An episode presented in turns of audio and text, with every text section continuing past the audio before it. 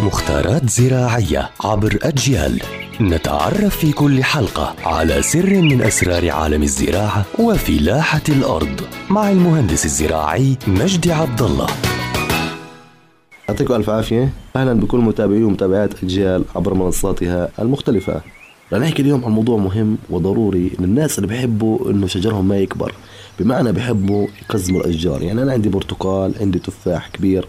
أنا بدي أعمل له تقزيم يعني ما يكبر يضل صغير على أساس اربيه داخل البيت أو عندي بالحديقة أو يضل جوا الكوار.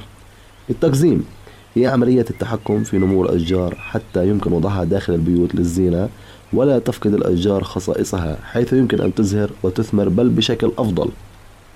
منها التقزيم الجذري في التفاح.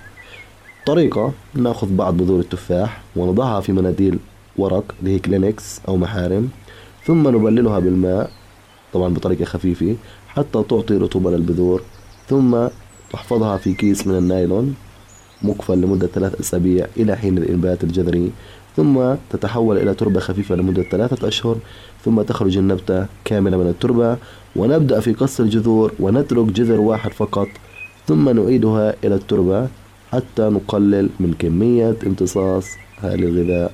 ومن ثم نتابع نمو الشجرة وقص العراميس والأفرع العليا. حتى نتحكم في حجم الشجرة. أحيانا لا يزيد طول الشجيرة عن متر واحد وعند البلوغ عند البلوغ تثمر الشجيرة ثمارا أكبر حجما من الأحجام الطبيعية. نسبة لأن طول وحجم الشجرة صغير يذهب معظم الغذاء إلى الثمرة فتكون أكبر حجما وألذ طعما وأقوى نكهة طبعا تستخدم أيضا في الخوخ في الدراك الكرز في البرقوق والمشمش. فهذا هو فن تقزيم الأشجار وهذا هو الموضوع اللي بدنا نحكي لكم عنه اليوم ويعطيكم ألف عافية.